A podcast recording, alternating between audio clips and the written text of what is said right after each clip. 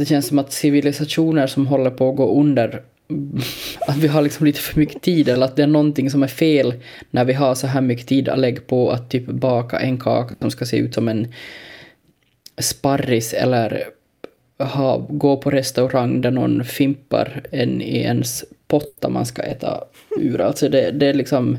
Vi, jag, jag kan inte gå med på att det är här vi är på något sätt.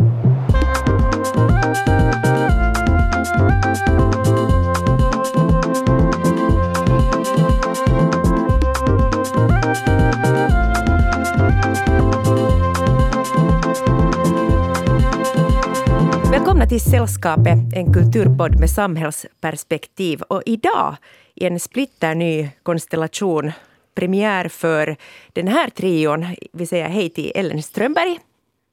Hej, hej. Och Peter Alfakir. Goddagens. Goddagens. Och jag märkte att jag tänkte jag skulle härma Fredrik Lindström. Folk säger att jag låter som Fredrik Lindström ibland när jag är, när jag är på glatt humör. Så jag ska, försöka vara, jag ska försöka vara deprimerad idag. Nej, nej, nej, nej. helt, det, får, det får svänga. Det kan vara som vädret. Okay. Det är lite sådär hett, kallt, hett, kallt, hett, kallt, förvirra. Mm.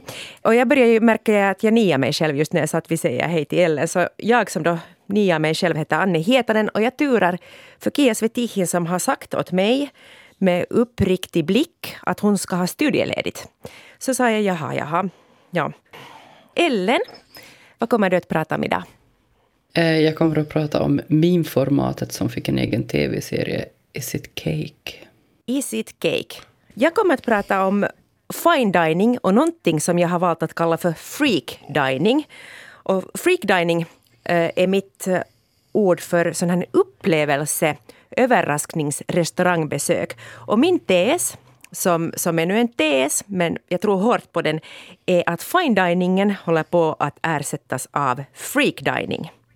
Peter, du får, du får äran att träda ut på äh, scenen som första person och, och öppna, ja. öppna sändningen.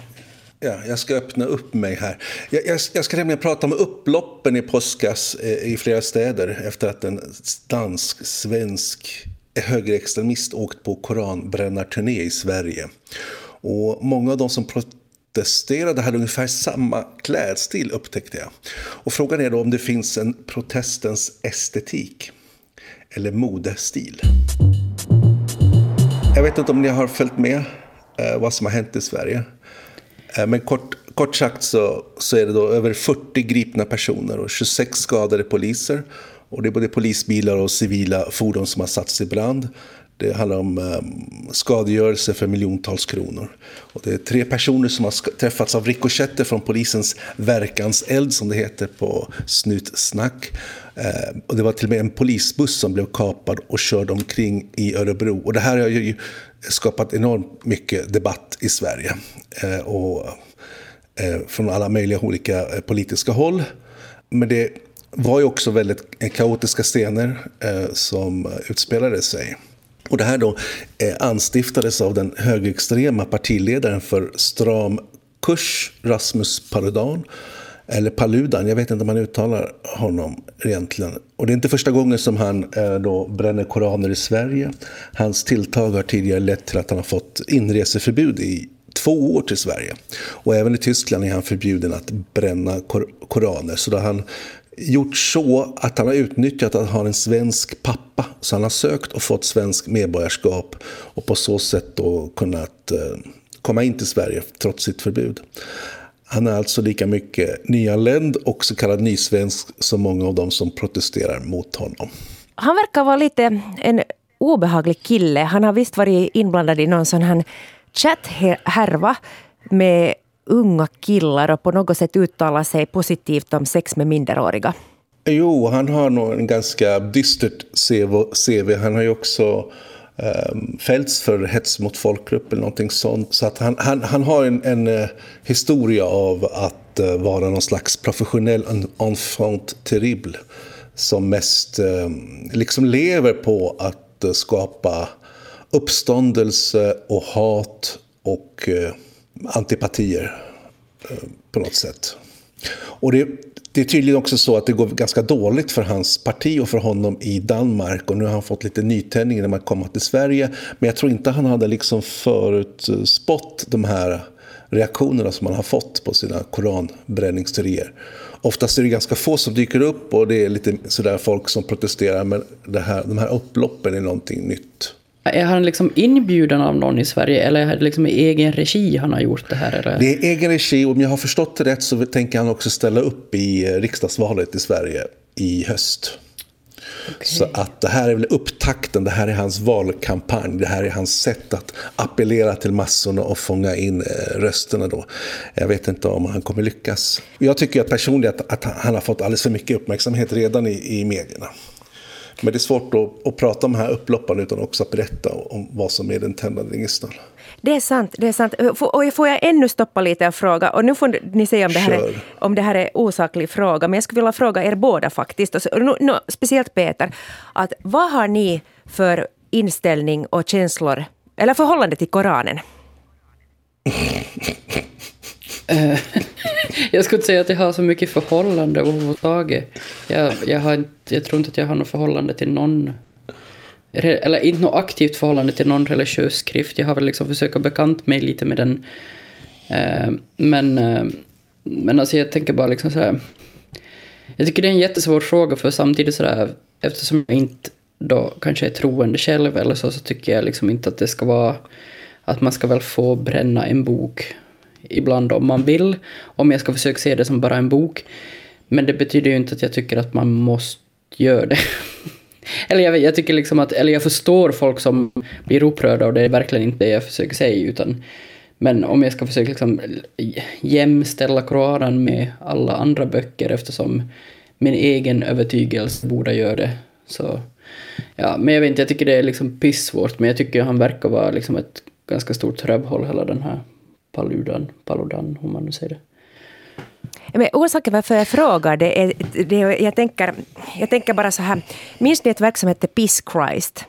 Eh, som var till exempel, vi har Ars 22 nu i, i Helsingfors på Kiasma, alltså konstutställning. Och 95 så var det en konstnär som hette Andres Serrano som uh, visade ett verk som hette Peace Christ. Och det var ett fotografi av ett krucifix uh, nedsänkt i en flaska med hans eget urin. Och jag tycker att det liksom kanske ändå på något sätt är lite skillnad att han, han kommer från den kontexten där krucifixet betyder en viss sak. Att om, om jag som kommer från en sekulariserad kristen miljö, om jag bränner en bibel eller en koran, så tycker jag att det är olika saker. Ja, det har du 100% rätt i. No, min familj är ju muslimer på min faders sida men kanske inte de allra mest ihärdigaste eller praktiserande muslimerna. Jag kan inte minnas att vi... I och för sig på högtider så har de, de som är lite mer religiösa har väl läst eh, Koranen och så. Eh, men eh, det är också svårt tror jag från en, en västperspektiv att förstå vad, vad Koranen står för eftersom den ses väldigt mycket som Guds ord. Så det, när man bränner en koran så bränner man liksom bokstavligen Guds budskap enligt, enligt islams sätt att tänka. Det, den är ju, den är ju vad heter, inte eh, editerad och förvrängd och eh, så vidare som Bibeln, utan det, det här ska då vara det rena ordet direkt från Gud till Mohammed och sen till folkmassorna. Så det är lite annorlunda syn på, den, på just den som en fysisk form. Sen så är det ju en trycksak. Uh, och så, som, det är bara att uh, bränna på. Det handlar ju om budskapet i boken egentligen. Och då frågar ni er då om, om de här upploppen vad som är orsaken till det. Det här är en fråga som, som många i Sverige ställer sig, även myndigheter och politiker. Om det verkligen är då Paludan som är orsaken till upplopp eller om det finns något annat som gör att folk i förorten tar till gatorna för att kasta sten på polisen. Om ni har sett nyheterna så, så har ni också sett att det var väldigt mycket unga grabbar som driver runt i klungor och attackerar polisbilar och kastar sten på så då, kravallutrustade poliser. Och det som slog mig då var att de nästan uteslutande hade ungefär samma sorts kläder på sig. Och det är då alltså träningsbyxor och stora hoodies, eh, eller munkjacka som vi säger på svenska. Och så hade de de här lite mer flashiga puffjackorna. Eh, och det är ungefär då ungefär samma mode som man kanske förknippar med gängkriminalitet i Sverige. Men det är ju ett, ett förortsmode i grund och botten. Och vad jag har snöat in mig på i, den här, eh, i det här snacket då är att jag kan inte sluta att fascineras av huliganernas klädval när jag följde medierapporteringen. För jag är ganska ytlig. eh, vad, vad säger ja, du som jag, modeguru? Vad, vad ger du för poäng åt de här, den här stilen? Ja, men, om du tänker på de här äh, mjukisbyxorna så, eh, så är det för mig deras kläder lika mycket en arbetsuniform, precis som en sån här plasthatt på ett bygge eller stövlar med stålhätta. Det är som Bill McCartingers blåa overall eller halare som ni säger. Det är också som en läkare med vit rock och stetoskop. I det här fallet då är det Adidas träningsbyxor och den mörka munkjackan. Och den där praktiska huvan som går att dölja ansiktet på eh, några sekunder. Och det här är ju väldigt praktiskt om man eh, tänker råna någon i en mörk gränd eller kasta sten på polisen. Men de här mjuka kläderna passar också livsstilen och yrkesvalet. Många hänger ju gömda i olika lägenheter då, i Alby och Tensta och, Norsborg. Och de tillbringar dagarna med att slökolla på filmer och spela tv-spel. Och då är det skönt på soffan att man har ett par mjukiskläder. Eh, men det passar också lika bra när man eh, då tillsammans med ett par stilriktiga sneakers när man behöver springa väldigt fort från polisen eller ännu kanske oftare springa för sitt liv när man blir jagad av en rival med automatvapen. Nu, det här är mina fördomar och mina klyschor. Eh, men, och det här är ju inga vanliga träningskläder som man har på sig när man går på sin länk eller till passet med paddel. Polisen har beslagtagit massor av exklusiva kläder där varje plagg kostar tusentals euro. Dyra klockor och väskor. Det är någon märken som Gucci, Philip Plein, Parajumpers, Breitling, Versace, Moncler, Armani och Louis Vuitton. Jag är jättedålig på att uttala de här namnen. Eh, och som ni märker så är det här ingenting som ni hittar i min garderob precis. Eh, men en, en oavsiktlig konsekvens av det här konsekventa modet blir ju att det blir svårare att identifiera förövarna. När alla i den här upprepade hopen har samma munkjackor och Adidas-byxor så vet man inte riktigt vem som är vem. Så samtidigt som de kriminella kämpar med att sticka ut genom att bära de här flashiga kläderna och dyra klockor så sticker de knappast ut bland sina gelikar. Ni förstår vad jag är inne på lite grann, eller? Ja, ja. Mm. Ja, det handlar då om upploppens estetik. Och ett annat uttryck eh, som man kanske tänker upp spontant på är de här gula västarna. Så nu vet jag inte om jag uttalar det här rätt. De Le, Le Gillette Jaunes. Jag är så fruktansvärt dålig på franska. Alltså gula västar. Eh, och de som bars då i protesterna i Frankrike. Och de ska då symbolisera en bortglömd arbetarklass som känner att de sliter ut sina kroppar bara för att eliten i storstäderna ska kunna leva sitt privilegierade överklassliv. Och åtminstone är det då symboliken i, i som de här reflexvästarna bär med sig. Det är alltså inte mm. bara ett vardagligt plagg för många arbetare, som jag ser det. Eh, ja, typ äh, vägarbetare. Eh, det används ju för att synas när, när man jobbar på motorvägen. Men det är också ett budskap att man också då vill synas av politikerna. Och i Sverige har de gula västarna plockats upp främst av de som är med och protesterar mot höga bensinpriser. Men det finns ju många andra exempel. Jag har några stycken här jag ska berätta om. Som till exempel då paraplyrevolutionen i Hongkong 2014. Och där användes olika paraplyer för sitt missnöje med den totalitära ledningen i staden, eller allt mer totalitära ska jag säga. Men det är också ett praktiskt val eftersom det ofta regnar i Hongkong. Eh, och för att skydda sig eh, mot polisens pepparspray. Man kan också göra en tolkning att, att paraplyet är en symbol då för att man inte vill ha mer styrning uppifrån. Och sen har du också de här gula och röda kläderna i Thailand. Ni har de rosa pussimössorna, eller vad de hette, jag minns inte. Uh, mm. Knytblusprotesten efter skandalerna i Svenska Akademin. Uh, om ni har tänkt på det. Och grunden då till de här protesterna och även upploppen i Sverige går kanske att spåra till ett globalt missnöje om man liksom vill ta ett vidare perspektiv. Eh, och det är samma, eller åtminstone liknande missnöje som tände protesterna den arabiska våren 2011. Och det är också samma kraft i, eh, som rör sig då i Occupy-protesterna där demonstranterna hade på de här Anonymous-maskerna, om ni minns det. Man tältade mitt i, mitt i städerna på Wall Street, Occupy Wall Street. Och då frågan är vad, vad, vad, som är fel i dagens samhälle. Och det kanske skiljer sig då från land från land och kultur till kultur. Rent av ända ner till subkultur och ner till yrkeskategori eller bostadsort. Eh, och vare sig man protesterar mot strukturell rasism, eller som i Black Lives Matter, eller mot patriarkatet, mot korrupta politiker eller mot eh, klimatförändringar, så är det ju en, en, en känsla av att man som person är bortglömd och marginaliserad och utan makt att kunna påverka sitt eget liv. Ehm, det verkar vara minsta gemensam nämnare. Men jag tänker att ehm, det finns ju massa exempel på det här, även från, från eh, franska revolutionen på 1700-talet. Man började bära långbyxor istället för shorts, ehm, som överklassen bar, så kallade colettes. Ett annat program, eh, plagg var den frygiska mössan, också från franska revolutionen, som, som då plockades upp från, från antikens Grekland. Så det liksom vandrar genom tiden och, och förändrar sin innebörd. Eh, andra plagg har liksom eh, även varit föremål för protester som när man brände bh på 60-talet eller protesterade mot den muslimska sjalen. Och även de man protesterar mot har ju också sina kläder och sina symbolspråk. Till exempel Donald Trump har ju sina långa slipsar och bylsiga kostymer. Han har också skapat den här magakepsen som har blivit en vattendelare i USA. Antingen hatar man den eller så älskar man den. Rasmus Paludan har ju också en keps han försöker lansera. Då står det eh, stram kurs på den. Och det är lite, det är lite lustigt då hur kepsen kan bli då, eh, ondskans estetik.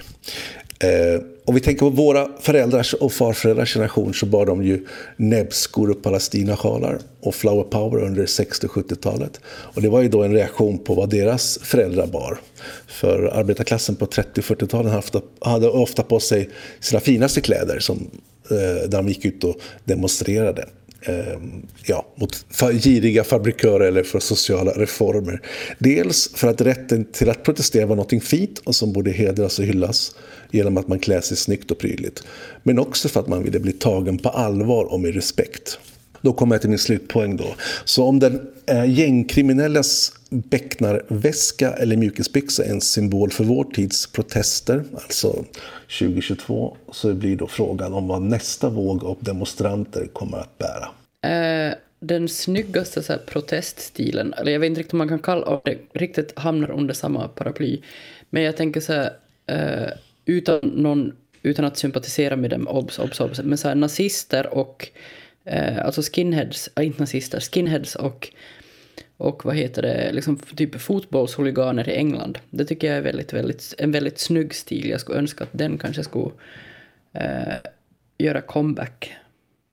Ja, men det är också, liksom, det är också bra ja. exempel här eh, på mode och eh, en estetiskt uttryck som har förändrats i innebörden. Från början var det ett arbetarklassmode. De här Dr. Martens mm. var arbetarklasskor. Jeansen var också arbetarklassmode som då plockades upp av den, om jag gissar, skinheadskulturen och ska-kulturen. Och som sen blev ja. urvattnat och sen blev det helt okej. Okay. Jag minns att man gick omkring de här, eh, man blev mods igen och så gick man omkring med skinheads kläder utan att man då eh, sympatiserade med den, med den här främlingsfientligheten.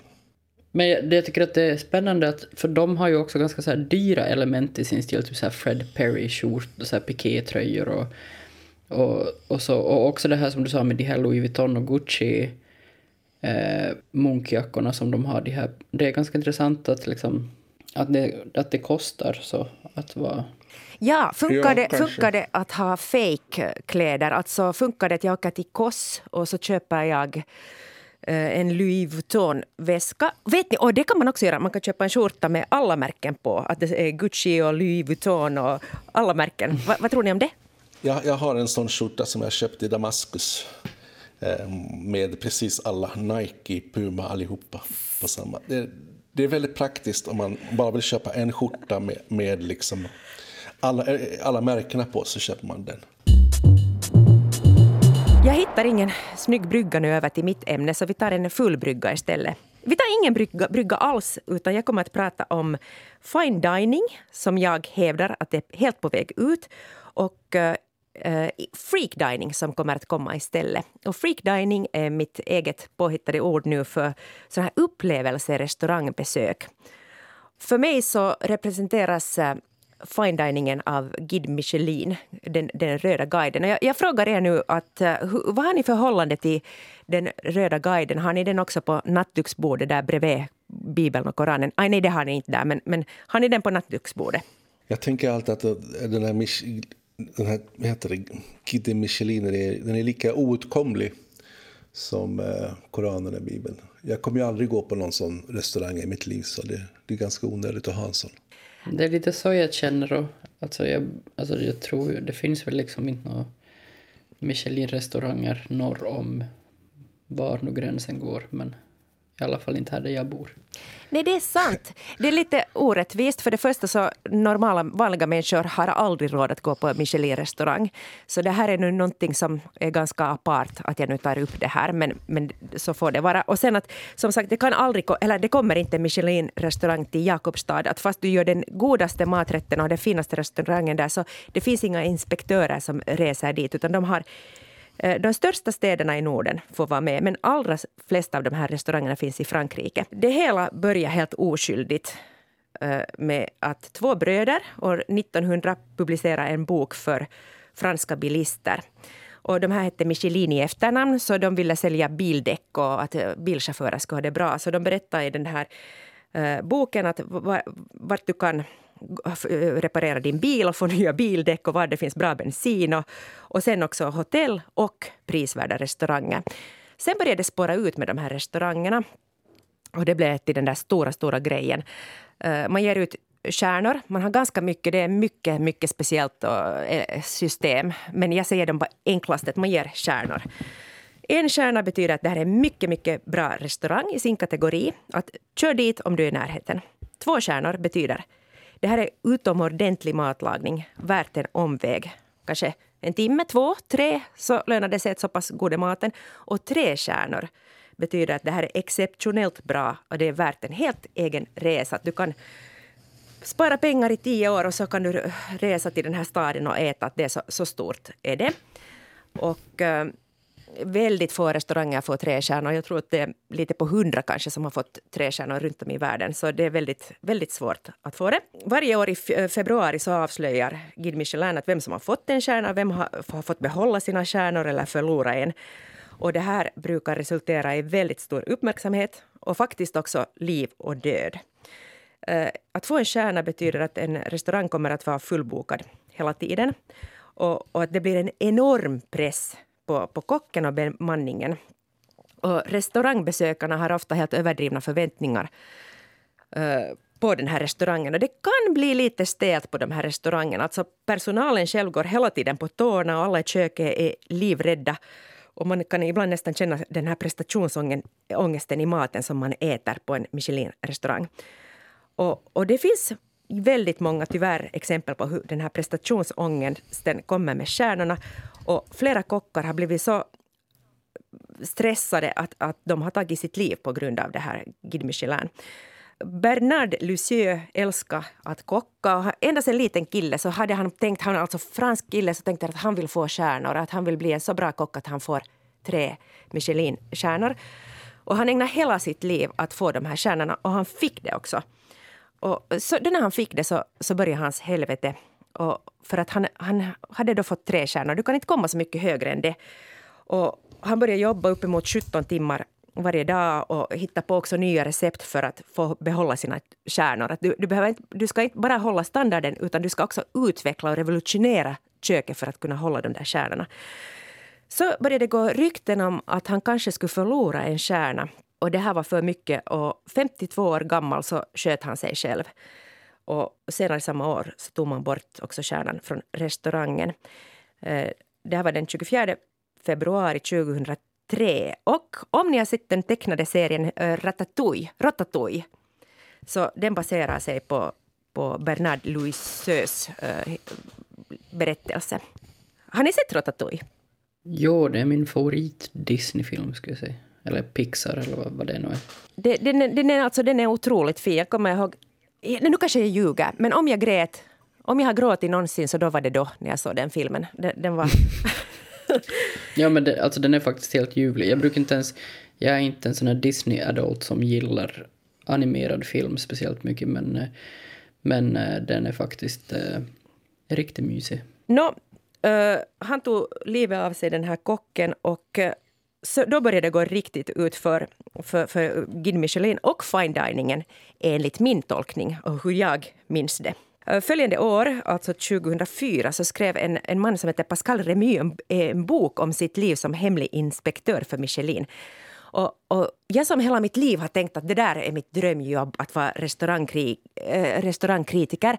Att, att, så jag, jag, jag fick veta att det, det är faktiskt inte ett drömjobb. Att han berättade hur han åkte runt i sin skitiga lilla bil på franska dåliga vägar, hetsade runt mellan restaurang och restaurang och han hade enorm tidspress och var otroligt ensam och olycklig. Och de där rapporterna som man skulle skicka till Michelin, det var övermäktigt och han, det var ett helvete och det var, det var helt fruktansvärt. Och det värsta var, nådastöten var det att han menade att det är också fullkomligt orättvist, hela det här Michelin-systemet. Att de franska kockgudarna Paul Bocuse och Alain Ducasse så de var untouchables. Och han menar att, att vad de än lagade för eh, soppa som inte smakade till något så fick de alltid hålla sina kärnor. Att det, var, det var jätteorättvist enligt honom. Och fler och fler restauranger börjar säga att de inte vill ha kärnor. Att de vill laga god mat och inte plågas ihjäl av stress. Och det fanns också, eh, jag läste med en korea, koreansk restaurang som fick en kärna och så stämde de Michelin för ärekränkning. Och de ville inte ha den där kärnan. Och de menar också att det var oförtjänt att det fanns bättre restauranger nära, att de ville inte ha den. Och man kan säga att lyxkrogarna har det kämpigt. Det är överlag extremt dyrt att hålla igång en lyxkrog.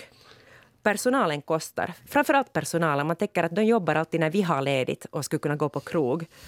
Och, eh, och, och, och sen också, är det inte lite sådär 90-tal, lite sådär... Eh, vet ni, jag tänker på Wall Street och början av IT-bubblan, att man går på så dyr krog som möjligt Kanske inte ens för att njuta av maten utan bara för att visa hur mycket man har råd att, att använda på att äta, upp, att äta upp. Det här är på något sätt som olympiska spelen i matlagning. Att det, här är det, alltså det finns ju faktiskt kockar som gör otroliga innovationer och, och, att det kan vara också saker som rinner ner sen till oss vanliga människor så att vi äter det i vår uh, vardag. Till exempel för tio år sedan så började man på finkrogarna, det här är nu min tolkning igen, göra så mycket så här picklade saker. Och, och här ett tag så tycker jag att allt var picklat. Också vet du, på vanliga restauranger eller till och med i skol, no, inte skolmatsalen men arbetsmatsalen och så. Har ni ätit mycket picklat? Mm. Det var ju väldigt mycket picklad rödlök där en, en period givet. Den, den teorin tror jag på. Jag tror också, jag är lite sådär, äh, samlar på mig äh, gamla trycksaker och sånt äh, på grund av mina kreativa sysselsättningar. Och jag har just kommit över tre årgångar av eh, eh mattidningar från, från år 2000, 2001. Och eh, jag blev sådär eh, helt... Eh, typ, eller jätteförvånad över hur mycket som har ändrat, eller hur gamla de där tidningarna verkar. Och mycket sånt som liksom som på något sätt så presenterades som liksom så det allra finaste och det verkligen så här nya exklusiva där. Så är sånt som folk typ äter till, i sina overnight oats idag. Så det har hänt som ganska mycket på 20 år. Så jag, jag är ganska så här, jag har ganska nyligen insett hur, hur påverkad jag eller min omgivning är av, av mattrender generellt. Så att jag, jag är helt med dig, Janne. Det som jag tror är det största just nu, det är freak dining. Och helt enkelt att vi suktar efter upplevelser också när vi går på restaurang. Och visst är det lite pinsamt ibland när man går på restaurang med någon som man inte känner så bra. Och du känner kanske, ju finare restaurang desto mer ängslig får man känna sig. Man sitter som lite på en scen. Så då kan det vara ganska skönt att gå till en restaurang där du, du bara sitter vid ditt bord och du, du är liksom i du är publik och sen är serveringspersonalen har liksom en performance för dig. Och du kan med, med din partner då, eller vem du nu går på restaurang med som inte känner så bra. Nej, men ens partner brukar man väl känna bra nu, nu, nu minns jag inte. Ja, men en kollega till exempel. En kollega, yes. Så, mm. så det, det, är ganska kul att du kan dokumentera det som händer där. Det blir ganska naturligt att hitta på samtalsämnen. Så, så det finns ju massor av de här restaurangerna uh, re, nu och jag tror att det kommer mer och mer och mer. Och då, då ska du ha någonting som helt enkelt blir samtalsämne också efteråt. Och I Stockholm och Köpenhamn också sen senare har vi till exempel Punk Royal. Uh, har någon av er besökt? Nej, men jag har hört om det. Inte där de där typ servitörerna typ fimpar i din mat eller... Alltså så här, ungefär. Jo, det kan förekomma. Um, Peter har inte slunkit in dit ännu. Nej, det har jag inte. Det låter som en vanlig finsk restaurang. eh, kanske. Det är alltså Eh, på Söder som den här Punk Royal startade. Och det är en så här riktigt, riktigt ruffig uh, lokal. Man har sagt noll uh, kronor på att göra det snyggt. Och, och det är jätte, jättehög musik inne i den där fula salen, matsalen. Rökmaskiner och sen servitörer som är de kastar fram maten när de känner för det. Och, och det är alltid set-menu. Att de, du äter det vad du får. Och ibland kan de servera också på, på din hand eller i en spruta. Och alla besök där börjar faktiskt med att du får en äh, spruta vodka i din mun. Och den här, att det är mycket alkohol är också hör till hela det här Punk Royal. Att de tycker att människor har lättare att relaxa om de är extremt berusade.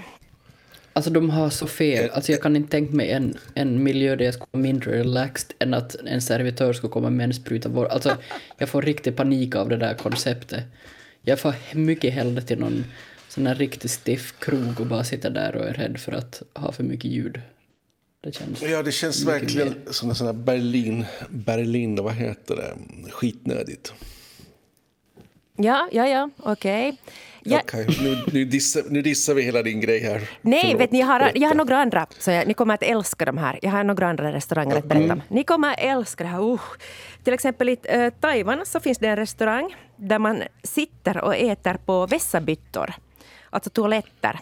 Och, och maten serveras i små pottor eller vässabyttor. Och sen är också maten ofta inspirerad av sånt som man kan hitta i en toalettbytta. Oj. Modern Toilet heter den i Taiwan och jag hör redan att ni är förtjusta. Sen finns det i Spanien, mm, om man nu är sugen på det här, så riktigt god spansk mat.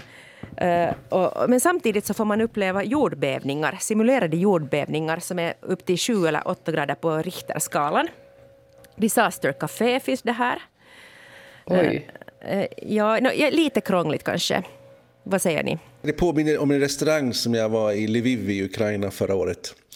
Eh, som var liksom dedikerad till motståndsrörelsen. Så allting var eh, partisaner, det var vapen, det var, de hade till och med i sin diskotek längst upp på taket hade de en luftvärnskanon som man kunde gå och sätta sig i. Samtidigt som man beställde bärs. Så det var liksom mm. krigsestetik, även i maten då också. Det var gott. Men det var innan det blev krig. Ja. Och då blir kanske det här lite mer osmakligt. Har inte E-Type en typ medeltidsrestaurang i Sverige någonstans? Jo, jo, jo, det stämmer. Och där har jag varit. Har du? jo, jo. Var E-Type där själv? Man dricker mjöd, gör man inte det? Det var, det var helt gott. Det var lite sådär turistkitschigt. Eh, det som var speciellt med det att man kom in så kom det en trumpetfanfar och så var det en människa som skrek ut ens namn över hela salen. Och så fick man sitta på sådana långbord och, och diskutera med folk. Och det, på något sätt var det ganska trevligt. Att jag brukar sällan bli kompis med folk på restaurang. Inte vill jag ju bli det heller. Men, men på något sätt var det en sån här inbjöd, inbjöd till att, att bli hur ska jag säga, prata med sina folk runt omkring. Sen var personalen jätteotrevlig. Och jag har aldrig tyckt om det. Alltså, jag tycker inte att det är roligt. Att det finns massor med restauranger som är kända för att de har otrevlig personal. jag förstår inte vad är det för sadistiskt att man vill gå dit och bli skymfad.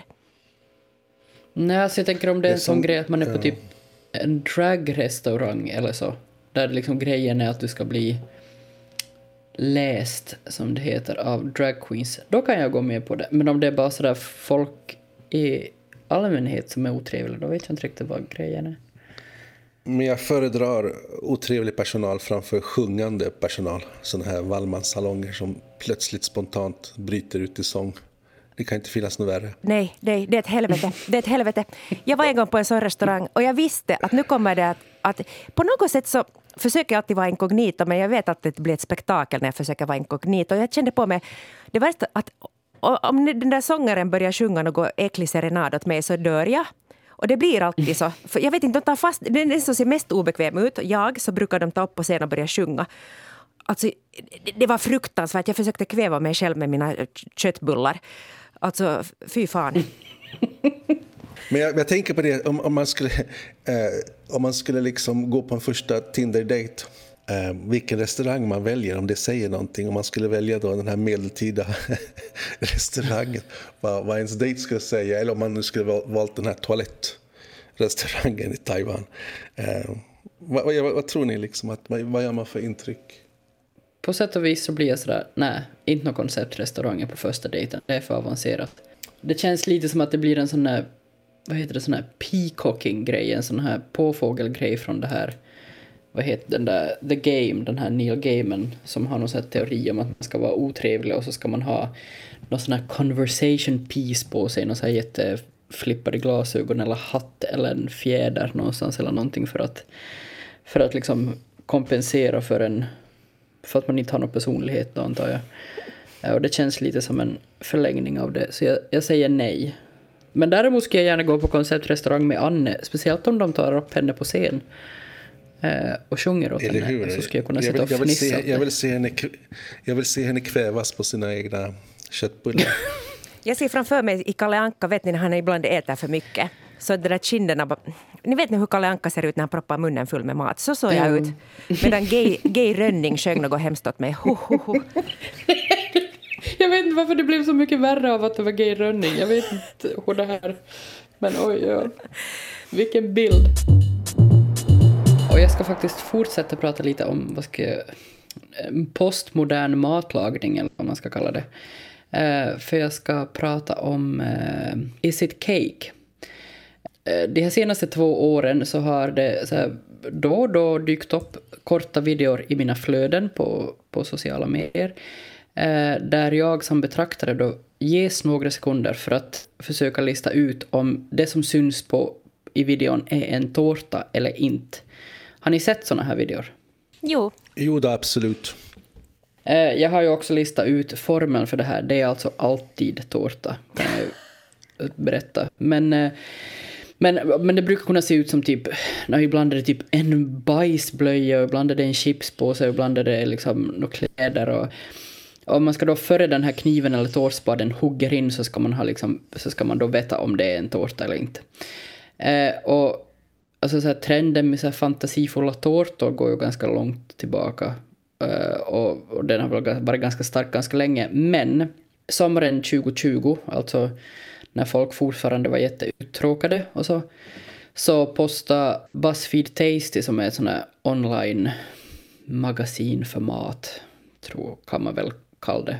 Um, så de postade en, en video på Instagram av, uh, videon börjar med att det är till synes en röd sån här Crocs-sko som ligger där. Och sen är det något rullet toapapper och någonting. Och uh, sen så ser man en kniv som skär genom den här skon och sen genom toapappret och allting visar sig vara tårta. Och uh, den här videon följdes då av ganska många sådana liknande videos och det visade sig att det fanns ganska många Eh, fotorealistiska bagare där ute som ville vara med. Och sen som så ofta, som det ofta händer på internet så liksom spann ju det här vidare till att bli ett helt fenomen och ett eget liksom ja, ett eget meme-format då, eh, där folk ställer sig frågan om den eviga frågan om att vara eller inte vara tårta.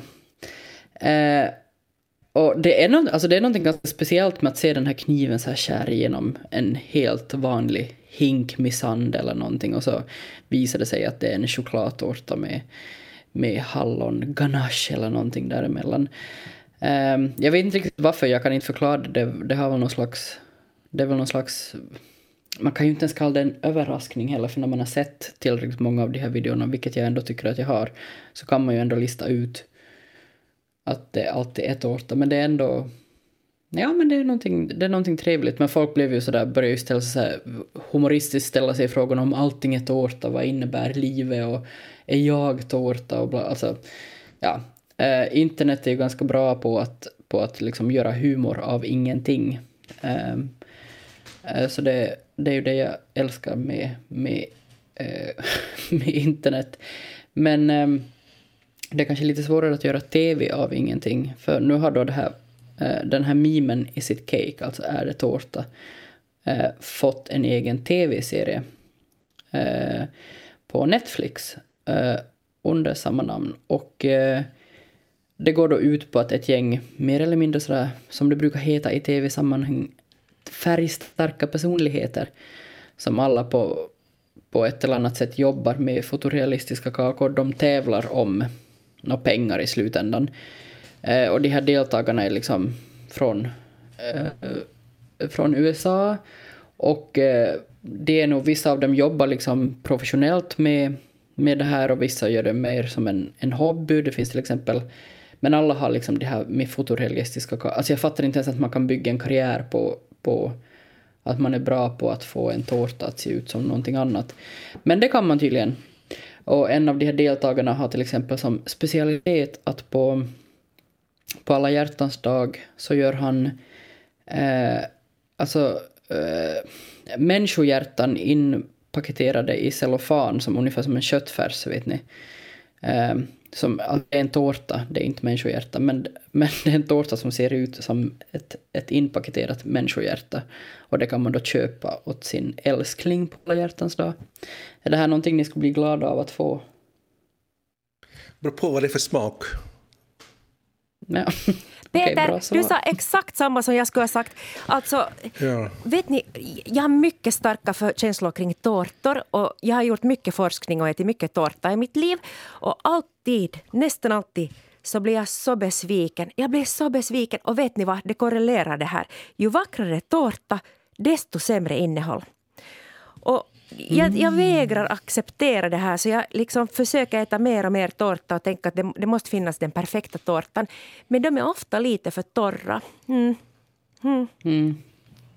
Ja, alltså jag, jag kanske föredrar ändå liksom min fammos gräddtårtor med vinbär på. Alltså jag, är ganska, jag, jag är ganska traditionalist i många fall. Och i mitt tårtor säger jag kanske det. Men, men ändå så är det någonting som har gjort att jag har klickat mig till den här tv-serien då på Netflix och det är ju sannoliken att koka soppa på en spik. Att, för de har liksom fått ihop åtta avsnitt och varje avsnitt är 40 minuter kring frågan is it cake. Um, alltså, bakningsprogram är ju inte något nytt, det är också någonting som vi har sett ganska mycket av, hela de här Hela Sverige bakar och bla bla bla bla bla.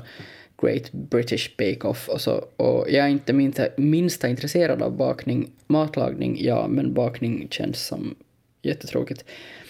Och speciellt i det här avsnittet, för det är så tydligt både för mig och för den här eh, programledaren som för övrigt är är eh, Mikey Day som är känd från Saturday Night Live. Eh, och jurymedlemmarna och de här deltagarna, att ingen vill liksom se den baka. Allt man vill se är den här kniven som skär igenom, eller försöker skära igenom olika leksaker och, och, och att man ska få veta vilken av leksakselefanterna som är en tårta. Eh, man måste ju ändå ha fyllt de här 40 minuterna så man har liksom byggt sån här flera jätteonödiga moment i den här tävlingen. Till exempel när den som har vunnit i avsnittet så då vinner man liksom en summa pengar och då har man chansen att fördubbla den här summan pengar om man kan lista ut vilken av spargrisarna med så här sedlar som sticker upp är tårta eller inte. Så det, alltså det, det, det är väldigt... Eh, Alltså det, det är så fånigt. Det är så, det är så dåligt och det är så fånigt och det är så dumt. Eh, och man, jag tycker man ser på den här program... Alltså han har ju visserligen... Alltså han är komiker och han har liksom den approachen att han är, att han är liksom... Eh, jag vet inte, men jag, jag, jag tycker alltså det syns på hela honom hur lite han respekterar det här formatet i TV och hur lite han bryr sig om de kakorna och han är ganska... Han gör ganska lite för att för att eh, låtsas vara på riktigt engagerad i det här. Eh, jag försöker liksom lista ut varför jag, eller typ så här, försöker se vad de, vad, hur det här hur den här serien har fått för mottagande eller vad det har liksom fått för mottagande så frågade jag en, en kompis här nu i helgen om hon hade sett det, för hon brukar alltid se på alla såna här bakningsprogram och hon var sådär eh, nej, men min femåriga son gör det. Och då kände jag att wow, nu har jag nog hamnat in på fel i fel hörn på Netflix. Um, och jag har, alltså jag har också svårt att se hur den här serien ska få liksom en andra säsong. Ja, det, det är så tunt redan och att man ska liksom få fler... Bara för att jag säger det så kommer det ju säkert att bli en hit och få jättemånga säsonger. Men, men jag tror verkligen inte att det här, det här är någon, någon, någon, något hållbart. Och det är också... Alltså det har ju lite paralleller mellan, med det här upplevelser, det här freak dining som du pratar om Anne att det på något sätt, det känns ju så postmodernt i den, på det sättet att, att det känns som att civilisationer som håller på att gå under att vi har liksom lite för mycket tid eller att det är någonting som är fel när vi har så här mycket tid att lägga på att typ baka en kaka som ska se ut som en sparris eller ha, gå på restaurang där någon fimpar en i ens potta man ska äta ur. Alltså det, det är liksom... Jag, jag, kan inte gå med på att det är här vi är på något sätt. Jag, jag, blir, jag blir riktigt... Äh, jag, blir, jag, blir riktigt, jag blir upprörd av det här på något sätt. Men för att försöka då äh, stävja min upprördhet så försöker jag fundera på andra sådana här meme eller meme-format som jag gillar som jag skulle kunna som man sådär behjälpligt skulle kunna få till en säsong TV av. Min personliga favoritmeme det är Kombucha Girl. Eh, är ni, vet ni vem Kombucha Girl är? Nej. Okej, okay, det är en amerikansk tjej som heter Brittany Broski, eller hon heter inte Broski på riktigt, men det är hennes artistnamn då. Eh, och för några år sedan så laddade hon upp en, en video på TikTok eh, där hon testar kombucha för första gången. Och på tio sekunder eh, så går hennes ansikte genom alla tänkbara känsloyttringar man bara kan göra. Och hon har ett otroligt sådär expressivt ansikte så det blir väldigt... Eh,